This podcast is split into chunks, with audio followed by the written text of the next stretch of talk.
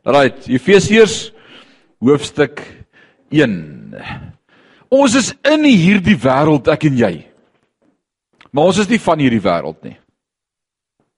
En dit is belangrik om dit altyd te onthou en dis deel van dit wat Paulus wil kom doen as hy skryf van die gemeente in Efese, is hy wil herinner alhoewel ons in hierdie struggle is. Is hierdie nie ons huis nie? Ons het 'n ewige tuiste. Ons is gebless met God, in God, deur God. En dis wat saak maak. Dis die dinge daarbo. Nou wees eerlik met my vanaand, is dit nie juis ons challenge sommer in hierdie week of in hierdie dag dalk gewees nie, dat jy so aards gefokus is dat dit jou moedeloos maak. Dit wil jou moed steel. Weet jy wat?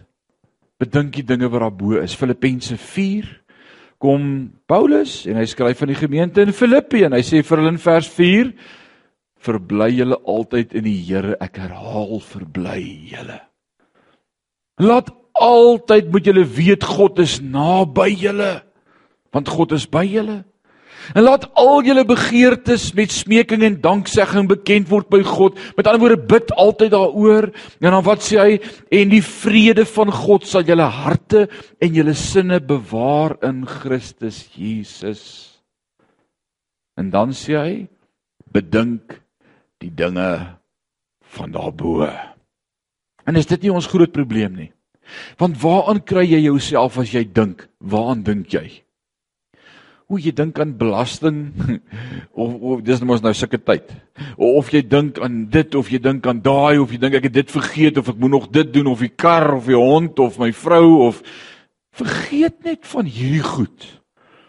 Maar fokus op die goed daarbo. En ek dink dis wat Paulus eintlik wil begin doen met hierdie boek Efesiërs, is hy probeer vir ons sê, "Hey, o, oh, julle is hemelse erfgename."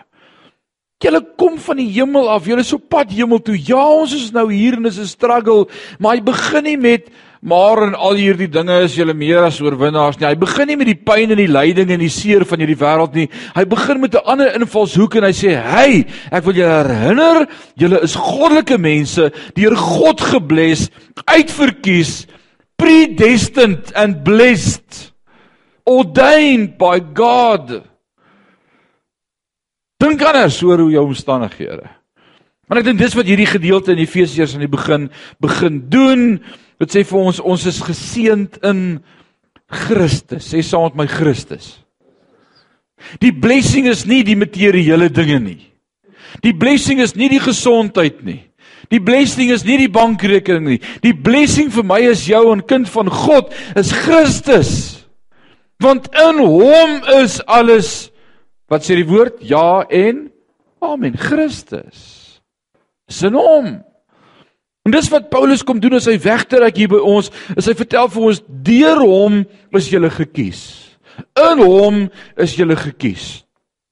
In hom is jy gebless. Hy het julle uitverkies. Christus het so baie vir my en vir jou gedoen. Nou vanaand trek ons los by vers 5. Nadat ons laasweek die introduction gedoen het of die inleiding gedoen het en gesien het hoe hierdie boek vir my en vir jou gaan help want wat hoofstuk 1, 2 en 3 van die boek Efesiërs doen is hoofstuk 1, 2 en 3 deel met dogma of dogmatiese stellings en beginsels. Dis dogma. Nou in teologiese kringe is dogma altyd die goed waaroor ons doktrine is, die goed waaroor ons met mekaar beklei. Want is die doktrine van dit en is die doktrine van uitverkiesing en is die doktrine van vrye wil en is die doktrine van God se wil en is die doktrine van eh, dis die moeilike goed. In kerkgenootskappe sien hierdie goed anderster wat die een glo dit so en die ander een sê nee maar ons dink so. En die ander een sê ons is die voortsetting van die verbondvolk. En die ander een sê nee ons is nie die verbondvolk nie. Ons is heidene wat tot bekering gekom het. Deur die genade is ons gered. En die ander een sê nee nou word jy 'n Jood. As jy gered is jy met die Sabbat begin nou in die wet onderhou. En die ander een sê nee as ek elkeen sien dit anders. Want dis die moeilike goed van kerk vir my en vir jou. Dis die goed hoekom daar so baie kerke in Parys is Jy geweet hoeveel kerke is in die dorpie van ons? Wil jy raai vat? Ek het 28. Ek het 26, ek het 28. Ek het 28. Ek het 28. Het ek meer as 28? Hoeveel? 4 24. Nee, ek het 28. Hoeveel? 37. Ek het 37. Saksarel. Johan, hoeveel sê jy? Nee, Johan, okay nou. Gaan jy nog 'n gemeente begin? ek het 2 jaar teruggetel, toe stop ek by 34. 34. Gemeentes, klein groepe, kerkies, selgroepe wat hulle self kerk noem, 234 plekke waar mense bymekaar kan kom. So as jy nie vir my like nie kom, ek gee jou die ander 33 se name. Alraai, dis fyn. En dis hoekom daar so baie is. Want nou praat ons uit die woord uit en ek sê vir Ronnie, "Jog, dis wat ek glo" en hy sê vir my wat hy glo en ons kyk nie na die woord en ons glo dieselfde nie en dan sê hy nee, maar ek glo anders. My pa het my anders geleer. Ek gaan na 'n ander kerk toe. En dan kry jy nie 'n ander kerk en dan sê ek begin so my eie kerk. Want ek weet mos nou wat ek glo. En so raak ons net al hoe verder van die waarheid af. So wat Paulus kom doen in hoofstuk 1, 2 en 3 van Efesiërs is hy deel hierdie moeilike doktrine, doktrines. Een vir een vir een vir een op die ander en dis moeilike goed. Dis hoekom ons laasweek net tot by vers 3 gekom het.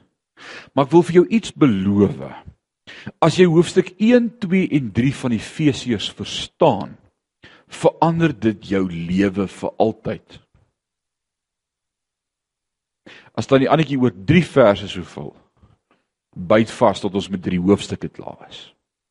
Want wat gaan gebeur is na hoofstuk 1, 2 en 3 in plek val in jou lewe en hier's die probleem met baie kerke en baie denominasies en baie gelowiges.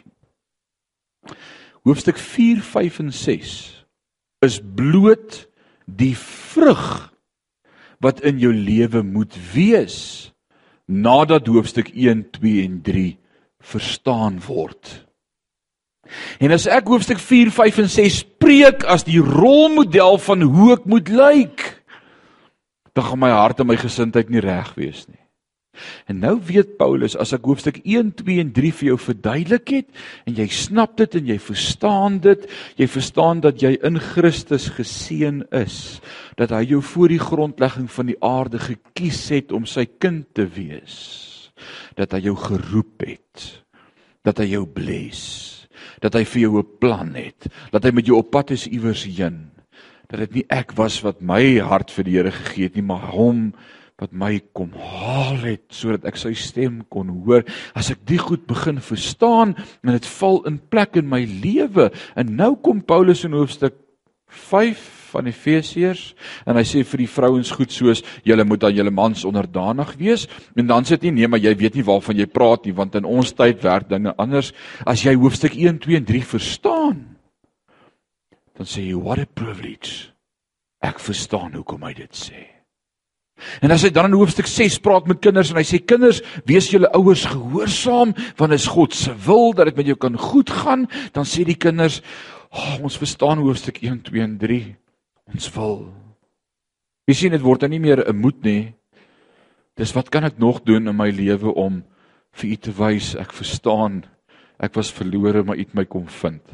En dis wat Efesiërs doen. Soos ons laasweek ingeduik het in die boek Efesiërs, dan is ons besig met doktrine, ons is besig met doktrine en ons het 'n paar goed laasweek al vir mekaar gesê dat ons geseën is in Christus voor die grondlegging van die aarde. Ons het gepraat oor God se wil met die seëninge in Christus. Christus is die seëning, hy is die blessing, hy is die hoop. Christus is die hoop. En nou trek ons vanaand weg in vers 5. En as jy jou Bybel hier het Efesiërs 1 vers 5 en ons sê deurdat hy hoe het hy ons gebless deurdat hy ons voorbeskik het om as sy kinders vir homself aan te neem deur Jesus Christus. Wat was sy plan van die begin af om hy deel te maak van die koninkryk? Hy het voorbeskik. Wat is 'n mooi woord vir voorbeskik? Hoe sal ons dit in vandag se moderne Afrikaans vir ons jong mense verduidelik? Wat is voorbeskik? Vooruit beplan voor voorbestem hy het vooruit beplan en besluit en gesê dit sal so wees Want as ek en jy beplan dan sien ons maar of dit gebeur. Maar as God sê dit sal so wees, dan sal dit so wees. So he was predestined. Nou, hy het vooraf gesê dis hoe ek dit gaan doen van die begin af. Ons sal hierdie week kyk of ons vir daai preekie op SoundCloud kan laai want hy is nie deel van ons reeks nie. Maar ek het so 'n paar jaar gelede gepreek oor die geslagsregister in Genesis. En dit het ons gepraat oor selfs in die geslagsregister in Genesis waar daar gesê het Abraham was die vader van. Nee, nee, ons het begin by Adam. Adam was die pa van. En so het ons deur die geslagsregister gewerk. En selfs in daai name se betekenisse van die eerste 8 individue wat God gemaak het, se betekenis sien ons die verlossingsplan van Christus aan die kruis. Dis mind boggling dat selfs van die begin af God geweet het die man gaan dit nie kan doen nie maar ek gaan ingryp. So as Paulus hier kom in vers 5 en hy sê deurdat hy ons voorbeskik het, hy het ons it was a setup. Kan ek so sê? Dis 'n setup. It's a setup for a blessing. Hy het voor die tyd beskik dit gaan so wees. Wat? Om ons as sy kinders vir homself aan te neem deur Jesus Christus. Van die begin af was dit sy plan. Wat was God se plan vir Johan se lewe? Om hom aan te neem as sy kind deur Jesus Christus. Wat was God se plan vir Barry se lewe? Om hom aan te neem as sy kind deur Jesus Christus. Nou die interessante ding, daai woordjie aanneming in die Grieks is die woordjie oh man, Vader help my. Dis regtig ek moes meer oplet in die Griekse klas dalk. Dan sou ek dit verstaan het. Hyotasia. En daai woordjie beteken om die plek van 'n volwasse seun in die huis in te neem. Ek het altyd aan daai woordjie aanneming tot kinders gedink as 'n babietjie in die koninkryk. Het jy ook so daaraan gedink? 'n Newborn baby. As Attie nou vandag sy hart vir die Here gee vir die eerste keer, dan dink ek vanaand aan Attie as die baba in die koninkryk. Hy's die newborn, hy is die jongste in God se koninkryk. Maar hierdie woord beteken iets anders. Hierdie woord beteken God neem jou aan as 'n volwasse seun. As 'n man in die koninkryk. 'n Mede-erfgenaam sê Jesus vir ons in die koninkryk. En daarom sou die Efesiërs nie aan hierdie vers gedink het in terme van 'n baba nie, maar volwasse kinders en seun van dogters so slawe wat kon deel word van die familie. Jy geweet dis 'n mooi deel van die Ou Testament, dis as jy as slaaf, as heiden vir 'n Joodse familie gewerk het jy daar in die veld gewerk vir hulle as 'n slaaf en elke Sabbat hou hulle die Sabbat en hulle is daar in die huis, dan sit jy daar buite onder die boom en jy kyk wat doen hierdie gesinnetjie en naderhand dan besef jy, "Wow, kyk hoe bless God hulle. Jahwe is die ware God. Kyk hoe seën hy hulle. Kyk hoe groei hulle mielies, al die wette wat hulle onderhou. Ek wil soos hulle, ek glo in God. Ek glo in Jahwe. Ek wil ook deel word van julle geloof." Dan kon hulle hom aanneem en hy kon die Joodse geneem soos 'n geloof aanneem. Hy kon dit opneem al was hy 'n heiden. En wat noem ons daardie proses? Wat het gebeur? Weet julle wat het gebeur? Ronnie sê adoption. Maar dis presies dit, hulle is eis aangeneem as deel van die huishouding. Nou in die Bybel as jy daarvan gaan lees, wat was die metodiek?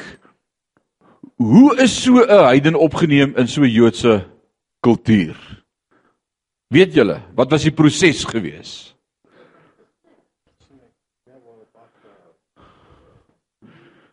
Wie wil iets anders sê as besny? Johan sê hulle is gedoop. Wat noem ons daai doop, Johan? Nou het ek jou vasgevra. Die proselite doop. Nee, jy moet reg hoor. Proselite. Alraight? Die proselite doop. Een ou het eendag verkeerd gepraat, hoe praat hy van die prostitusie doop? Nee, dis die proselite doop. En die proselite doop beteken as 'n nie heiden of as 'n heiden, as 'n nie Jood, as 'n ongelowige, kon jy deel word van daardie familie en huishouding deur die doop en daai doop was die groot doop. Maar dis nie die doop wat ons vandag doop nie. Maar dis dieselfde beginsel want wat gebeur met die groot doop?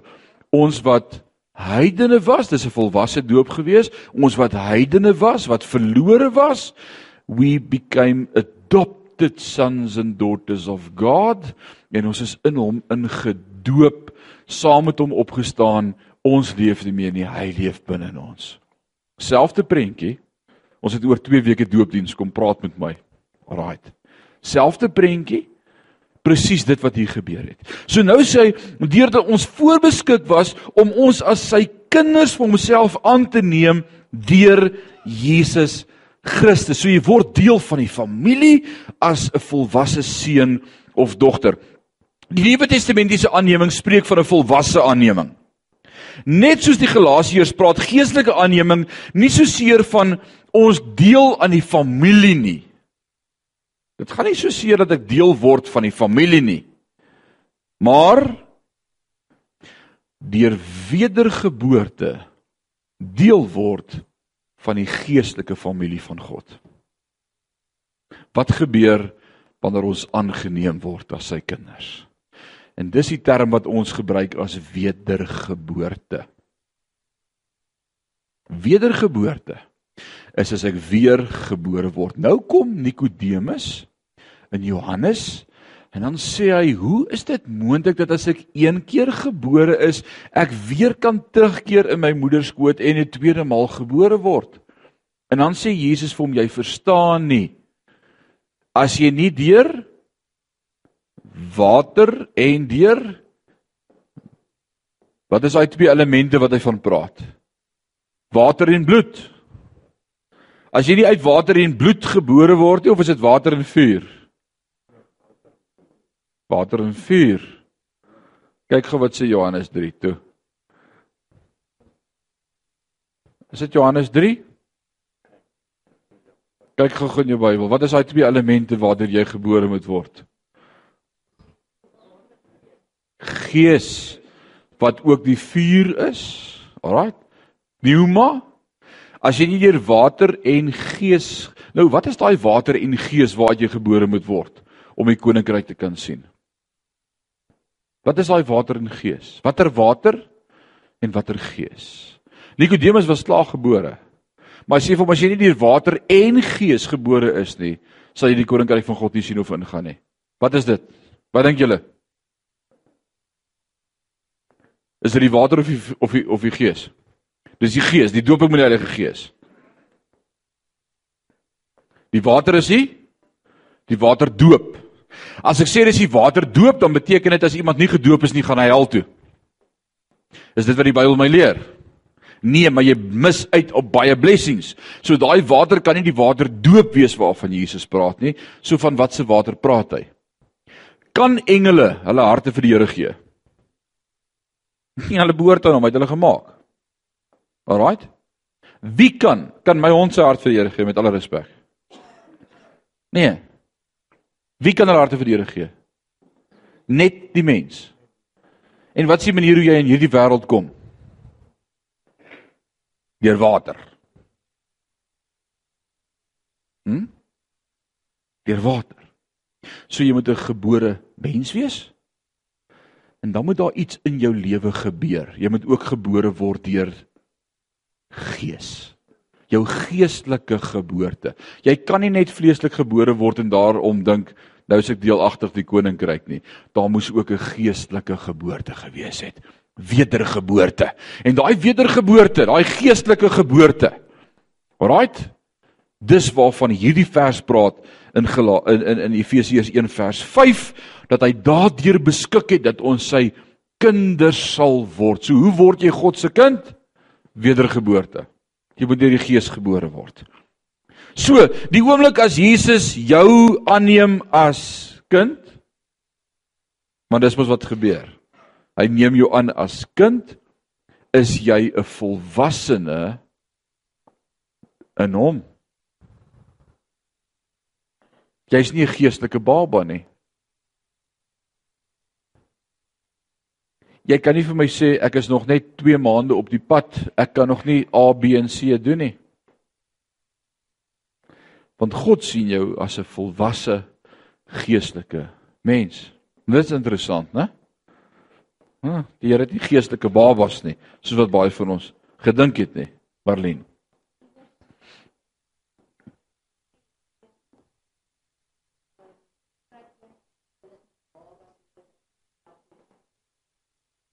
Die Hebreërskrywer sê dis sleg dat julle nog honger en dors na melk soos pasgebore babas. Vanweer die tyd moes julle al leraars gewees het, maar julle het nog steeds nodig om melk te drink.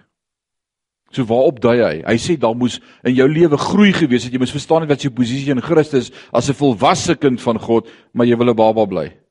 En dis waaroor hy sin speel daar. Dis hoekom hy sê van weer die tyd moet julle al almal leraars gewees het.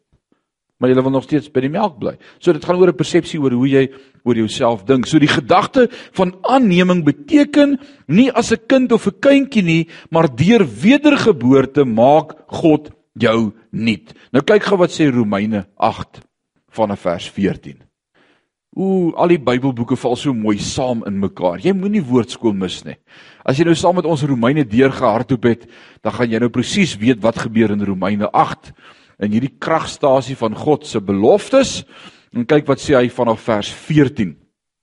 Want almal, sê almal, wat deur die gees van God gelei word, ah, punt. Kom ons stop gou 'n oomblik daar. Hoe word ek deur die gees van God gelei? Hulle moet gebore word uit water en gees, wedergeboorte. Die oomblik as ek my hart en lewe oorgee aan Christus, gebeur daar iets. Nou lei God se gees my. Nou praat Paulus, hy sê want almal wat deur die gees van God gelei word, die is kinders van God. Hy kon dit ook andersom stel. Hy kon gesê het want almal wat kinders van God is, moet deur God se gees gelei word. Dis dieselfde sin. Het jy dit? So, hoe weet ek ek is God se kind? Word gelei deur die Heilige Gees. En dis 'n maklike eenvoudige manier om uit te vind of ek God se kind is. Word ek gelei deur God se Gees? Dis 'n preek vir 'n ander dag. Dis dalk 'n reeks vir 'n ander reeks. Hoe lei God se Gees my? Word ek gelei deur God se Gees? Erken ek God se Gees as leidsman in my lewe? Luister ek vir die stem van God se Heilige Gees? Steer ek my aan wat daai stem vir my sê? So Paulus sê ek het nie eers tyd om daaroor met julle te praat nie want ek neem aan dit is so, maar hy sê want almal wat deur die Gees van God gelei word, die is kinders van God. Want julle het nie ontvang, hoor nou mooi wat sê hy in vers 15, want julle het nie ontvang 'n gees van slawerny om weer te vrees nie, maar julle het ontvang die gees van wat staan daar? Aanneming, selfde woordjie, aanneming om God se kind te word. Aanneming tot kinders. Ah, hoor nou mooi. Deur wie ons roep Abba Vader of wat is die Afrikaans daarvoor? Wat beteken Abba Vader? Pappa. Kom ons gaan aan. Hierdie teks is te groot. Ek gaan hom nou uitmekaar haal vers 16 die gees self getuig saam met ons gees dat ons kinders van God is as jy twyfel of jy God se kind is God se gees getuig met jou gees jy sy kind en as ons kinders is jy jy's nie net 'n kind nie jy's ook dan 'n erfgenaam erfgename van God en en, en mede-erfgename van Christus. As ons naamlik saam met hom ly sodat ons ook saam met hom verheerlik kan word. So wat wat sê hy roep ons as God se kinders? Abba Vader, nie glu glu baba. Gucci Gucci. Hoor jy mooi wat sê Paulus? En as hy hierdie gedeelte skryf, dan wil ek hê jy moet verstaan, hy sê nie jy word 'n babietjie in Christus nie. Hy sê jy word 'n mede-erfgenaam met Christus en jy roep uit soos 'n volwasse man en jy sê Pappa, Vader. Ek weet nie van jou nie, maar jy weet op watter ouderdom in jou lewe daar hierdie ontdekking kom van jou verhouding. En ek wil sê min laerskoolkinders verstaan hulle posisie in die huishouding. Hulle val nog op jou en daar slat hulle anders op jou nek en soen vir jou en sê jy's die beste pa wat daar is en en dis awesome maar, maar maar wanneer ek begin verstaan my posisie dan wil ek sê daar kom respek by. Kan ek so sê? Wanneer daar respek is en en en wanneer ek my posisie verstaan in my afhanklikheid en en sê oh, Abba Vader Papa So so hy praat van geestelike volwassenheid. So ek wil sê wanneer iemand wedergebore word, is jy nie op die vlak van 'n baba nie, maar jy is 'n volwassene in Christus.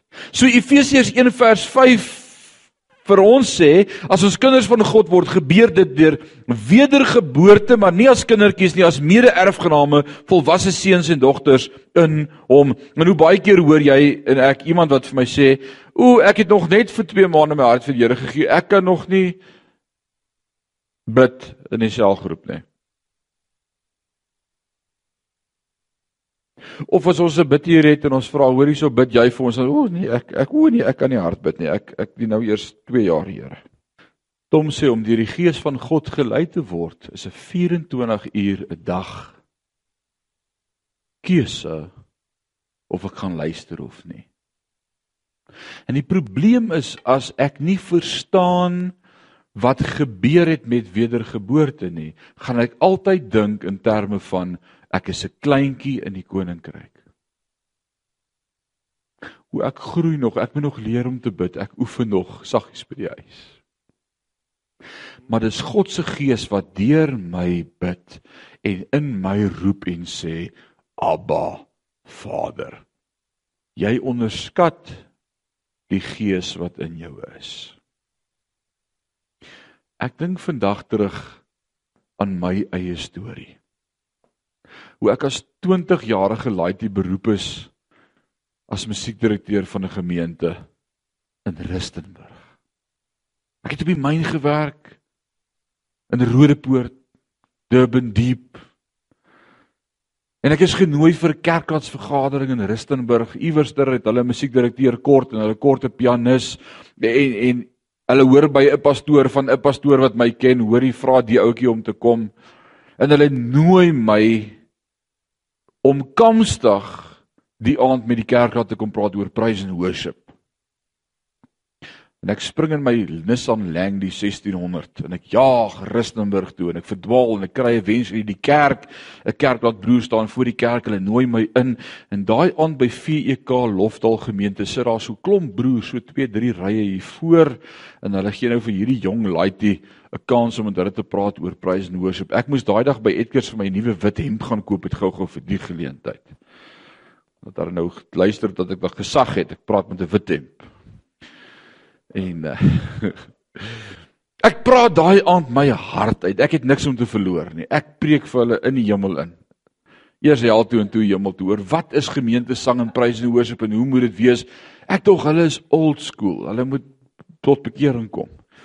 En toe klaar as die aand, na so uur of uur en 'n half, toe vra die een oom vir my om Richard Kearney, goeie vriend van my geword later. Wil jy nie vir ons net so op die klavier ietsie net bietjie speel nie? Ek sê maar dan jy nie geluister nie. Ek is nie 'n gaskunstenaar nie. Ek sal julle lei in worship kom, staan om die klavier. Ek laat daai hele kerk laat om die klavier staan. Hulle kyk net vir my so. Ek speel, ek sê kom, laat julle sing. Steek op julle hande. Hulle oom Richard staan net so 'n smile vir my. Staan hulle sing om die klavier en toe klaas bid ek vir hulle en die pastoor sê ek's verskoon ek kan langsam met die pastorie gaan wag. Hy sal nou by my wees. Hulle wil net gou klaar maak. Meantime is dit 'n beroepsvergadering en dit was my onderhoud. Ek dop vir hom amper heeltemal. toe ek die aand daar langs aan gaan sit, nou baie pastoorsvrouens is so, toe ek gaan sit toe sê tannie Mimi vir my: "En wanneer begin jy by die gemeente?" Ek sê: "Ekskuus." Waarvan praat jy? Nee, dit was 'n beroepsvergadering vanaand en hulle wil kyk of jy die pyp kan rook en dit was nou jou interview en ek sê kon iemand dit vir my voor die tyd gesê het nie. Ek sou dit heeltemal anders ter gedoen het. Dani 20 roekeloos vir die Here. Pas op die pad. Jy het laasweek gehoor, you ain't devil you my brother. Net gebeur in my lewe. Ek is vol vuur en vlam en en hier gebeur dit en ek is soos wat gaan hier aan? Nou dink ek, ja, ek beroep, ek is nie 'n pastoor nie, ek is nie bediening nie, ek is nie opgelei as teoloog nie. Ek ek nee, dis nog vollies ook. Ons is AGS. Dit gaan nie werk hierdie ding nie. En nou nou dink ek al oor die goed. En pastoor Tienie Barnard kom in en hy sê, "Luister seun, ons wil uh, vanaand vir jou aanbod maak. Ons gee jou dieselfde as wat jy op die myn kry. Die kerk se klein pastorie is nou klaar gebou. Daar's 'n drie slaapkamer huis vir jou. Uh kom wees ons prys en worship leier in die gemeente. Ons soek jou." En ek hoor my lippe sê vir hom, Ek sal volgende sonoggend hier wees. En ek dink jy het nie nou gedink voor jy gepraat het nie, het jy? Ek het nou glad nie gedink nie. Nou ry ek huis toe. Ek het my eie selfoon, 'n Nokia 1611. So groote. Die selfoon se antenne was net so lank soos die selfoon. Onthou julle dit? Ek moes hom kontant koop by Dion's. Nou, dit is nog hoe dit gewerk het daai tyd. Jy het jou foon cash gekoop. Ek het hom cash gekoop. Ek het op die myn gewerk. Bel 0568112610. Dis my ma se huis. My pa antwoord. Ek sê pa, ek het 'n werksonderhoud gehad. Hy sê maar jy het dan 'n werk. jy het nou net 'n werk. Ek bedoel, wat nou? Ek sê die Follies in Rustenburg soek my as musiekdirekteur. Hy bly stil. Hy sê en ek sê ek het vir hulle gesê ek begin. Hy sê maar dis Follies. Ons is AGS. Nou my oorle oupa Grootjie was een van die eerste sendlinge van die AGS kerk in Suid-Afrika. Hy's in 1936 georden. Ons van is in die argiewe en die annale van die kerk vasgeskryf. My oorle oupa was pastoor van die AGS. My pa is pastoor van die AGS. En ek wil vollies toe gaan. Wat gaan aan met jou?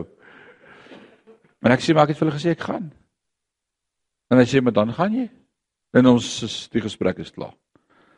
Ek het my trek op 'n beeslorry laat aanry.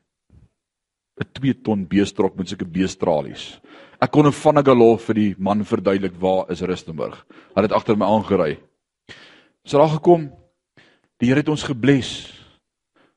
Hy het ons geseën. Ek onthou dienste en tye wat ons daar gehad in daai gemeente se praise and worship wat net goddelike oomblikke was in sy teenwoordigheid. Was 22 Toe kom daar 'n nuwe pastoor by die gemeente en hy soek die orgel terug en so verstaan ons mekaar toe nou mis teen 'n bidkamer muur vas en ek is weg by die gemeente en uh dis ek AGS toe. Ek was musiekdirekteur daar, ek het gehelp klavier speel en die dag stap pastoor Christo Visser in my kantoor en sê vir my jy begin woensdag aand 'n selgroep. En ek sê ekskuus. Ek selgroep. Ek wil nie nie bediening wees nie, dat ek musiekdirekteur was is klaar wonderwerk. Ek ek wil nie preek nie, ek kan nie praat nie. En dis is jy moet dit begin. En ek begin daai eerste woensdag aand met 10 sellede insluitend ek. Ek was een van die 10. So voor in die voorportaal van die saal. En ons groei in 6 maande groei die Here daardie selgroep van 10 na 65 op 'n woensdag aand. Ek praat van jong mense wat net uit die skool uit is of pas getroud is sonder kinders. Ons praise and worship. En dan deel ek met hulle woord. Vra my waar kry ek die kennis van die woord? Ek het nie 'n klou nie. Die Here het net regtig deur my gewerk. Ek onthou een Woensdag aand, Aileen, kan jy daardie een Woensdag aand onthou wat iemand gewaag het om die vraag te vra, nou hoe werk hierdie ding dat dat mense in die gees. En ek onthou net die volgende, ek het vir daai persoon gesê kom hier. Ons het so op die voorbanke en so op die verhoog so oral so gesit. Toe sê kom hier, staan hier, so maak toe jou oë. En ek my hand so op haar kop sit en ek begin vir haar bid. Toe slaan sy reg agteroor in die Here doop aan met die Heilige Gees stoep stil gewees daai aand. Ek het nie die goed gesoek nie.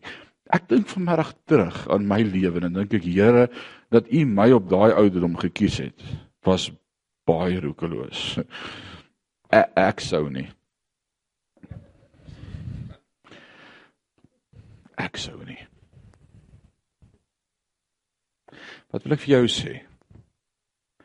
God roep jou as mede-erfgenaam En al wat hy wil hê is jy moet deel word van sy plan. Maak nie saak wat jy wil doen vir hom nie. Wees net deel daarvan. Hy wil jou gebruik. Hy soek mense om te gebruik. God is nie bang om 20-jarige roekelose mans te gebruik vir sy saak nie. Dis oukei. Okay. Toe was ek net musiekdirekteur en ek onthou daardie een sonoggend pastoor Tini Barnard vroeg moes hy af uh van reën toe die tieners was op pad terug van 'n stranddiens af en die kombi het gebreek en dit sneeu en van reën en die passes toe en en hy besluit 3 uur hy ry hy sê vir tannie Mimi sê vir Rinus vanmôre is net sing song praise and worship lang sing. Uh ons het nie vanmôre preek nie. En ek onthou daai sonoggend in die praise and worship terwyl ons sing toe gee die Here vir my 'n woord en ek stop die sang nie en ek staan op die kansel en ek begin preek eerste keer in my lewe. En ek bring 'n woordskap Die typie was net net lank genoeg om dit te kon typ. Typies was 60 minute. Middag toe pastoor Tini terugkom en hy hoor van dit, toe gaan haal hy die typ in die klankkas en hy luister die typ. Die aand toe roep hy my op die rooi tapuit. Toe dog ek nou het ek dit. Toe sê hy môreoggend skryf ons jou in. Jy begin teologie swat. Toe sê ek ek wil nie. Ek wil nie. Toe sê die Here het jou geroep vir die bediening. Ek onthou my eerste preek as geordende pastoor in Tabernakel gemeente in Rustenburg. O oh man, Kan nie glo iemand wou na daai preek luister nie. Ek het nou die dag so al geluister, dink ek, wat het jy alles kwyt geraak hier? Ek het met die 10 gebooie en die wet en ek weet nie waar ek was nie. Dit was terrible. Kyk, God het daarmee sin vir word. Ongelooflik. Wou net met jou pad stap. Wat wil ek vir jou vanaand sê? God sê, ek het van die begin af besluit om jou te bless en my kind te maak deur Jesus Christus. Dis my plan vir jou lewe. Ander wat was God se plan vir jou lewe? Dat jy sy kind sou word in Jesus Christus. Is dit 'n ander plan as vir jou lewe? Nee, dit was dieselfde plan. God wil hê jy moet sy kind wees deur Jesus Christus, mede-erfgenaam. So as Paulus hierdie gedeelte vir ons skryf, dan is dit te so groot. Want hy skryf vir ons hierdie groot woorde sover. Hy praat van geseënd, hy praat van uitverkies, hy praat van aangeneem.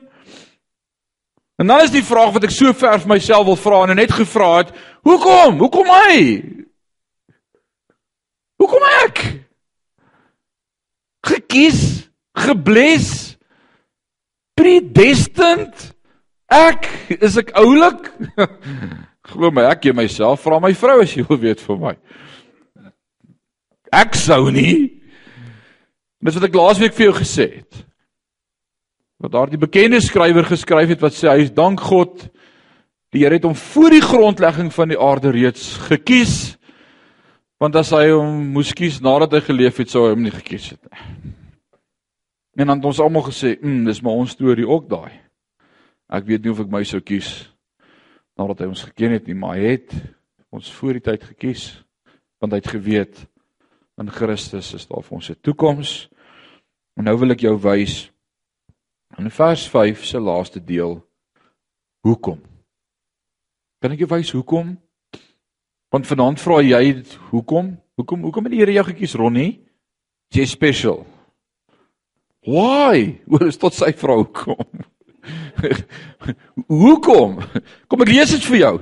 Na die welbewaar van sy wil. Na die welbehae van sy wil. Want hy wou Want dit was sy plan. Atie, hoekom het God jou gekies? Want dit was sy plan. Dit het hom bly gemaak. Dit was sy wil gewees en hier is waarom God jou aangeneem het. Hier is hoekom hy jou uitverkies het. Hier is hoekom hy jou bestem het en jou geseën het. Hoekom? Omdat dit vir sy genot en vir sy heerlikheid en vir sy eer van sy genade was. Nou verstaan jy nog steeds nie wat dit beteken nie. So kom ons praat in makliker Afrikaans. Right? Ek gaan dit nou vir jou verduidelik. Ek wil jou eers wys wat is Israel se plan want ons kan onsself altyd sien in 'n tipe van God se verhouding met Israel. Alright? Want as jy sê, "Sjoe, ek is daarom so special om te dink God het my gekies." Wow. Wow, dis amazing. Ek moes daarom met werd gewees het. Hy het daarom geweet van watter afkomstig ek gaan wees en watter gene in my bloedlyn en en en al die voordele wat hy in my gaan hê as deel van sy koninkryk en my talente. Ek dink nie hy het 'n fout gemaak om my te kies nie. Dis eh, 'n goeie keuse. Maar ek wil jou vanaand net reg help en vir jou sê dis glad nie. Glad nie die geval nie. Ten spyte van wie jy is, het hy gekies eintlik. Hoor wat gebeur in Deuteronomium 7 vers 6 en 7 God praat met Israel en hy sê want jy is 'n volk heilig aan die Here jou God. Dit klink na 'n nice begin, né? 'n Heilige volk. Het jy het jy geweet Israel was nie so heilig gewees nie. Hulle was 'n moeilike volk. Agter afgode aangeloop, afgode gedien, halstarrig, ongehoorsaam, moeilik. Maar hoor wat sê God van hulle? Hy sê want jy is 'n volk heilig aan die Here. Jou het die Here jou God uitverkies. God het jou gekies om uit al die volke op die aarde sy eiendom te wees. God kon enige volk gekies het om sy volk te wees en God het Israel gekies. Die Here het 'n welgevalle aan jou gehad en julle uitverkies, komma nie omdat julle meer was as al die ander volke nie want julle was die geringste van al die volke. Julle was ellendig. Julle was min miserabel. Hoor wat sê Deuteronomium 9 vers 4 as die Here jou God hulle voor jou uit verjaag moet dan nie in jou hart spreek en sê o oh, die Here het my ter wille van my geregtigheid om hierdie land in besit te neem nie Want weens die goddeloosheid van hierdie nasie bedryf die Here vir hulle voor jou uit nie. Nee, vers 6 sê: "Weet dan dat die Here jou God nie ter wille van jou geregtigheid jou hierdie goeie land gee om dit in besit te neem nie. Want jy is 'n hardnekkige volk." So Israel kan nie eers op homself roem en dink hy's oulik nie. God sê dis nie oor jy oulik is nie. Dis ten spyte van dit. So, so so wat sê ons dan vir mekaar? Hoekom is ons uitverkies? Kom ons sê dit in Afrikaans vir mekaar. Dat in die eeue wat kom vir al die miljoene engele en hemelse wesens wat God geskaap het wat volmaak is en vir die 24 ouderlinge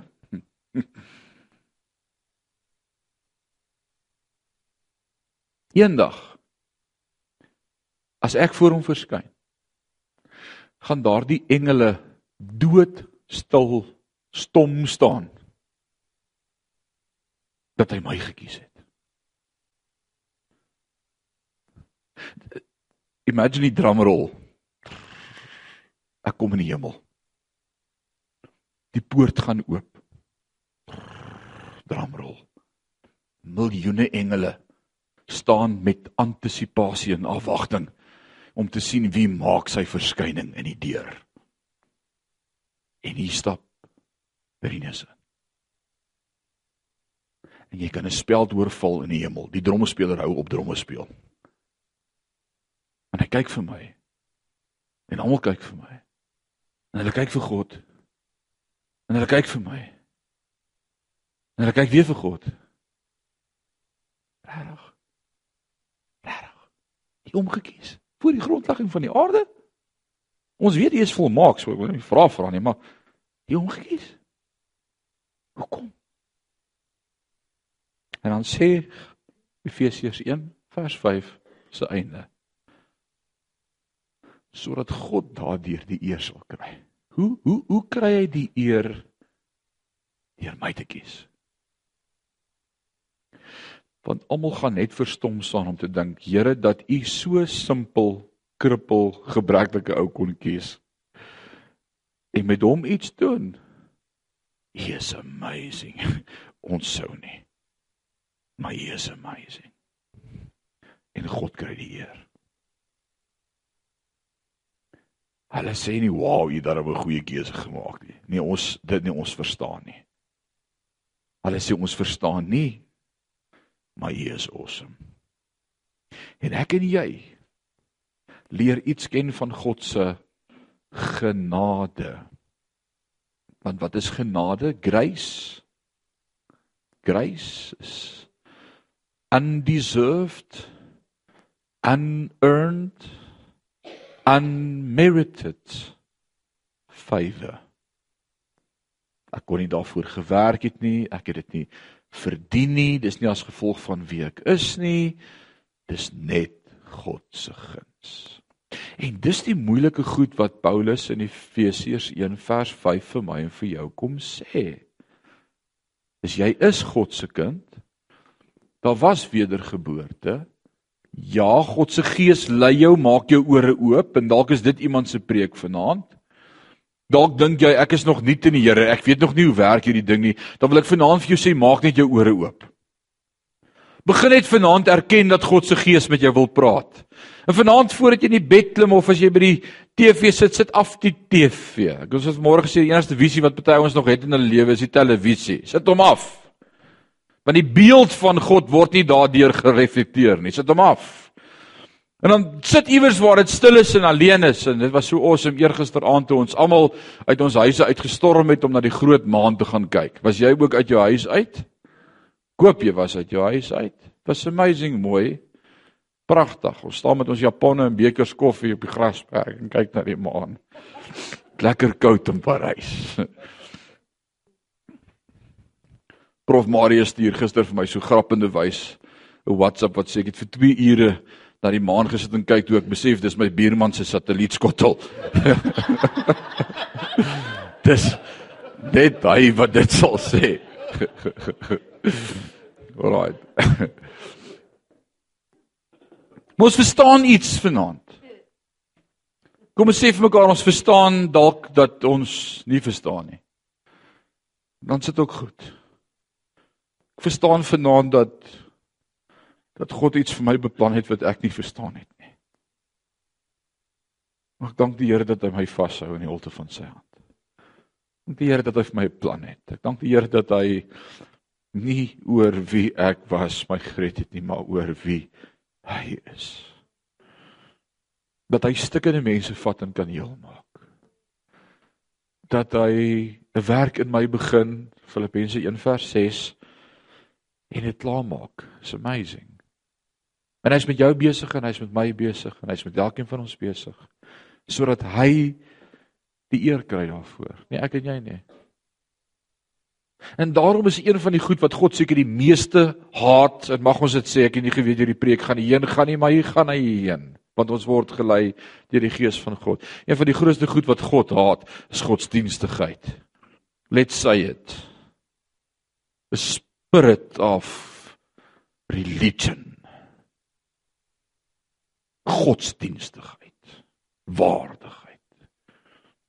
Want jy gaan deur emotions en jy dink jy's fine en jy dink jy's opreg, maar jou hart is so ver van God af. God soek verhouding en daarom sê ons Dawid was 'n man so na sy hart. Hoekom? Omdat Dawid so punctual was en so religious was? Nee, jy is die teenoorgestelde. Omdat Dawid so bloot eerlik was met God. God soek eerlikheid in ons verhouding met hom. God soek dit dat ek vir hom kan sê, "Jesus Pa, ek het aangejaag." Wat het gebeur? Toe ek weer sien, toe's Patsiba nie alleen in die bad nie, maar ek bedoel ons moet daaroor kan praat met God. praat met God. Moet nie stil bly nie, moet nie weghardloop nie. Wat het Adam en Eva gedoen na die sondeval? Hulle het onttrek, hulle het gevlug vir God. En dit is seker die grootste gevaar in 'n kind van God se lewe is wanneer jy vlug vir God se teenwoordigheid. Maar dis die eerste ding wat die duiwel vir jou sê om te doen. As jy is minderwaardig, jy is dit nie werd nie, jy verdien dit nie, bly net weg, bly by die huis. God stel nie belang in jou nie. Jy het hom gedrop. Maar man, jy kon nog niks doen om hom te impress nie, asseblief. Dink net anders daaroor. Jy kan hom nie drop nie. Want hy's God en hy weet jy's 'n mens.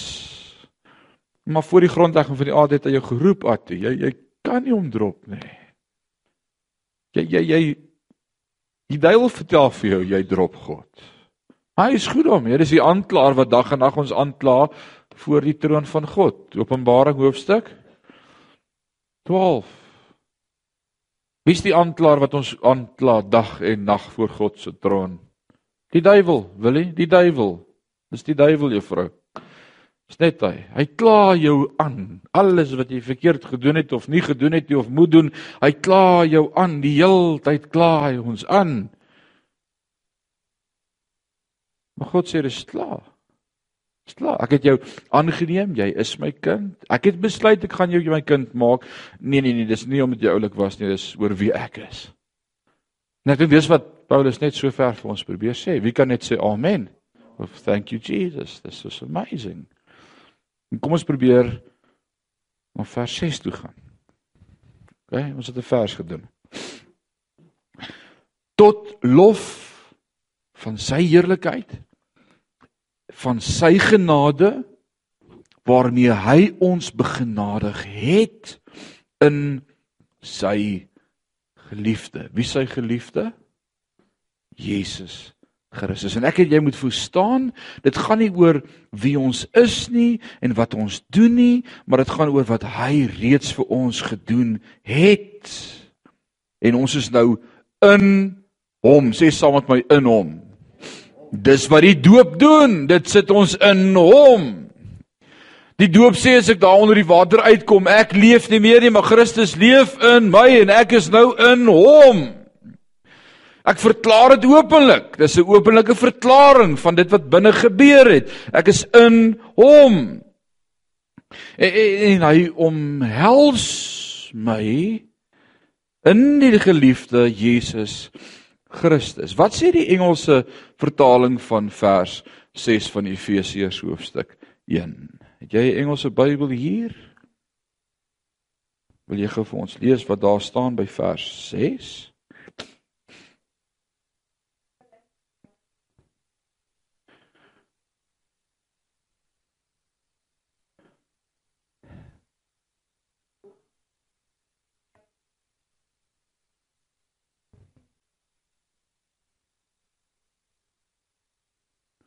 Wat hy ons goed gunstiglik geskenk het sê my Afrikaanse standaard vertaling die nuwe lewende vertaling sê daarom prys ons God se grootheid deur sy seun wat hy lief het het hy genade aan ons gegee. Is nie amazing nie. Deur sy seun wie hy liefhet het hy genade aan ons ook gegee. Amen.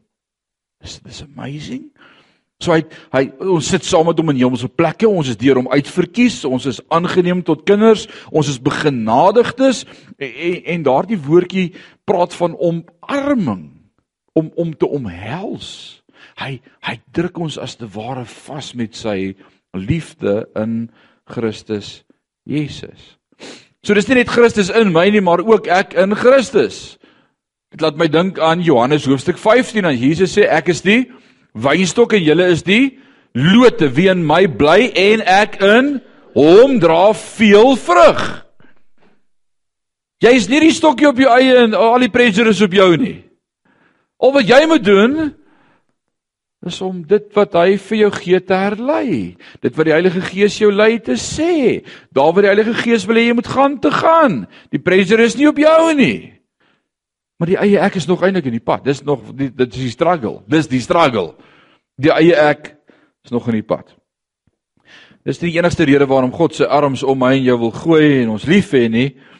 Ons is in sy seun vergewe, aangeneem en hy wil ons omhels. Hoe dink jy dink God oor jou vanaand? sien jy God wat voor jou staan en sê kom hier, ek wil jou 'n druk gee. Kom kom hier. Kom hier dat ek jou net Ek wil jou net vashou. En iewers langs die pad het die duiwel vir jou gesê jy's dit nie werd nie. En jy het te veel issues in jou lewe en en en jy's nie volmaak nie. En ek wil vanaand vir jou sê wat Paulus vir my en vir jou kom leer in Efesiërs. Dis God sê ek wil jou omarm, jy jy's myne. Jy's in Christus myne. Ek het jou uitverkies voordat die begin begin het. Jy's myne. Kom hier. Wat glo ek en jy hoe voel God oor ons? Mm, ons glo dit nie. Praat ek met iemand, sê net iemand amen vir my. Hæ? Weet jy dis hoe God oor jou voel vanaand? Hy wil jou net vasdruk. Hy jou druk gee. Oh man. So klein is hy, so awesome as die laities klein is en die kinders is klein dan gee hulle maklik drukkies. En dan kom hulle in die hoërskool en dink hulle as jy drukkies gee, gaan jy aansteeklike siekte kry. En dan sê soos dis nie meer cool nie. Dis cool hè. Laai vir Christian met die skool af en dan waai ek vir hom met die venster uit en ek skree vir hom, "Baai!" en ek druk hoeter en dan soos hy kyk nie eens om nie. Kyk jou. Nee. Dis cool nie. Hy dink nie is snaaks nie. So ek wag tot hy langs sy sit en sê, "Chris, love you." Dan Nee, is ek cool hè. God voel so oor jou. So oor jou voel. Hy het jou oneindig lief. Voor sy engele sê hy jou naam. Toe die duiwel voor God verskyn, toe sê hy: "Hey, het jy gesien my knegg Job? Dis myne." Myne. Wie het gesê hy's 'n eyster?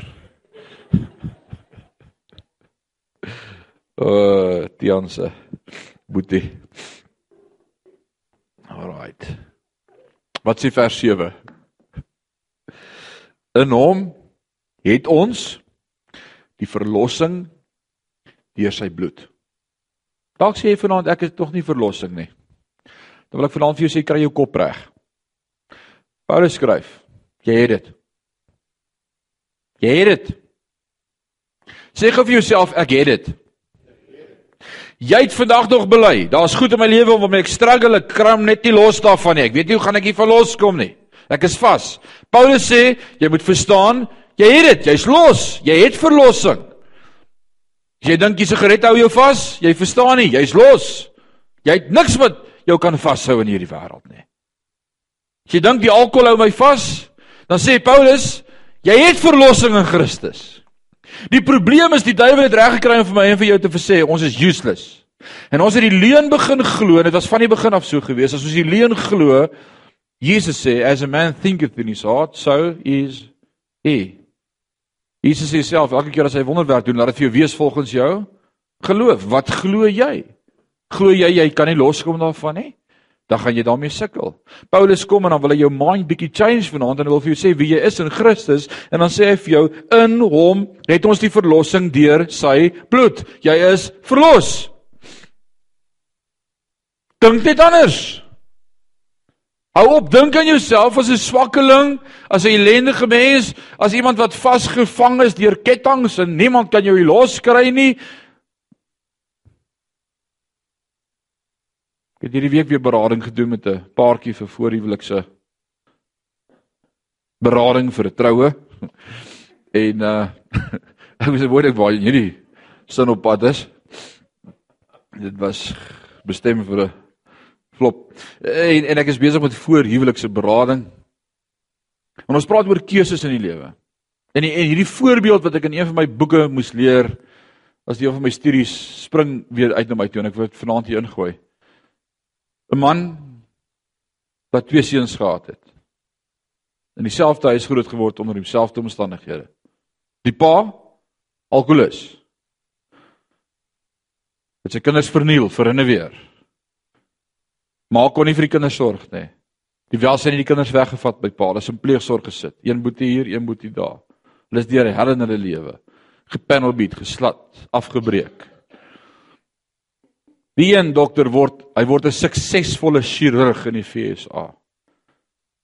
New York Times, die magazine, Times Magazine, wil met hom 'n onderhoud voer. Hy's op die cover van 'n tydskrif en die verslaggewer vra vir hom: "Wat sal jy toeskryf as die sukses motiverende faktor in jou lewe?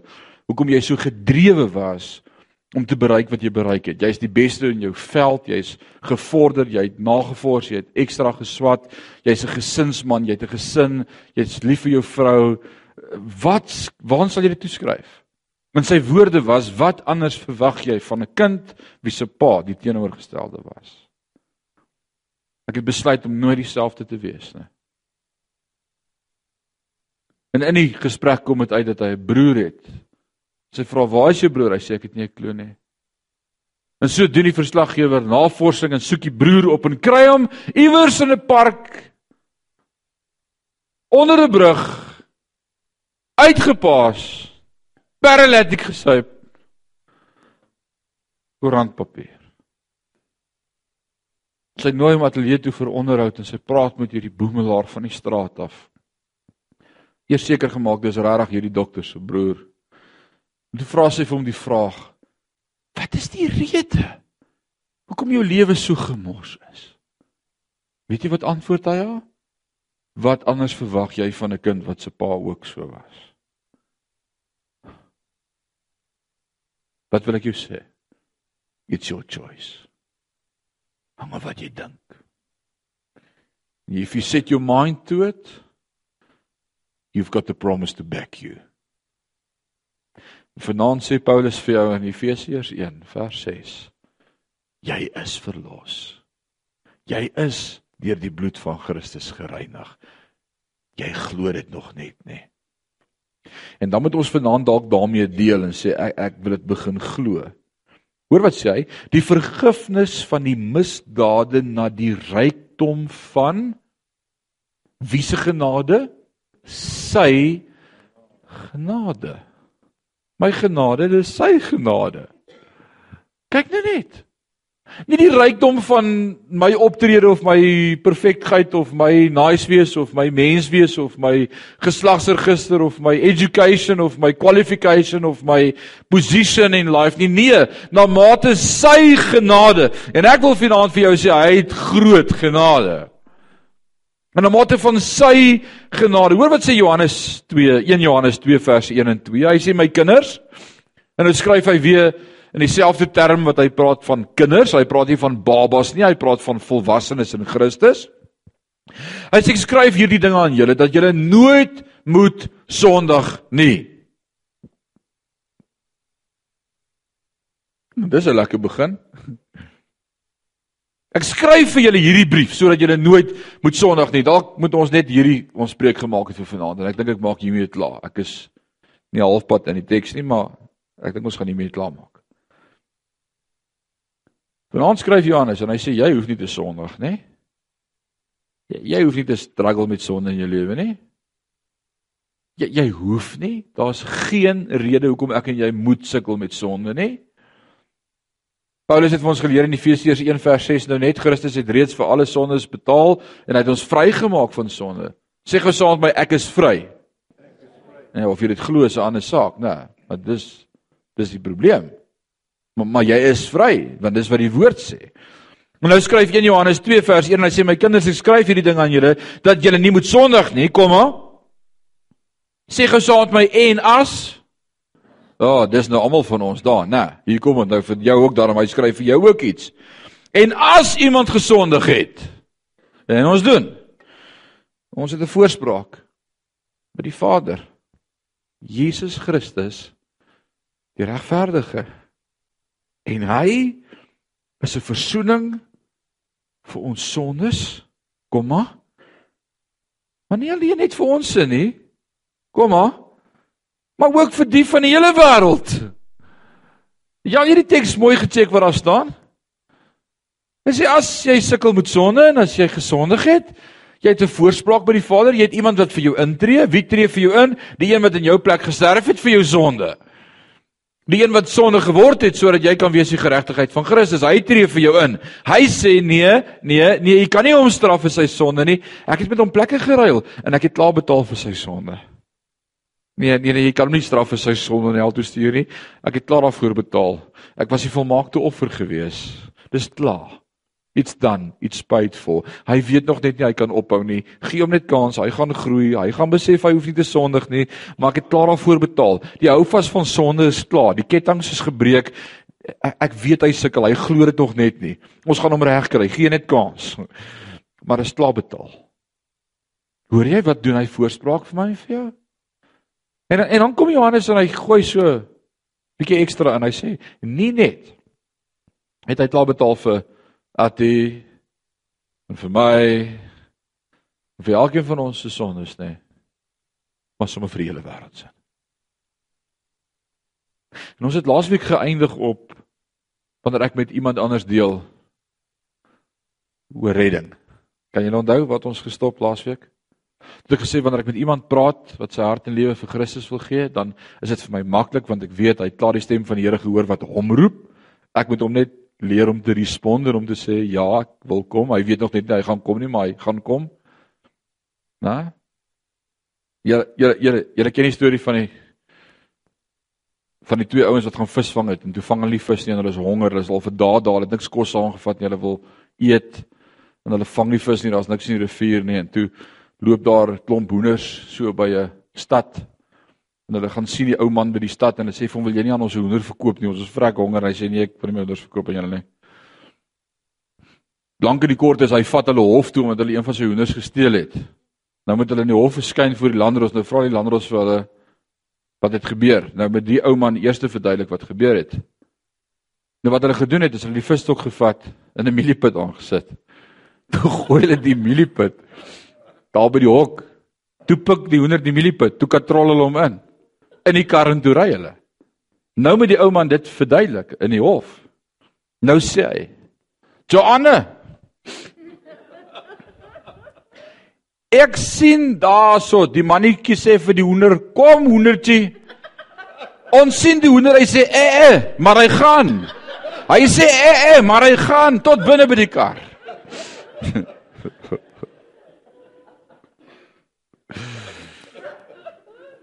Ek en jy sê ook baie keer, "Eh eh." Maar ons gaan. Ek wil vanaand vir jou sê, Christus het vir jou verlossing bewerk. Christus het vir jou 'n plan, 'n amazing plan. En as jy hierdie gedeelte gaan verstaan vanaand, as ons vanaand hier gaan uitstap met harte wat verstaan, was nie ek nie, was net hy.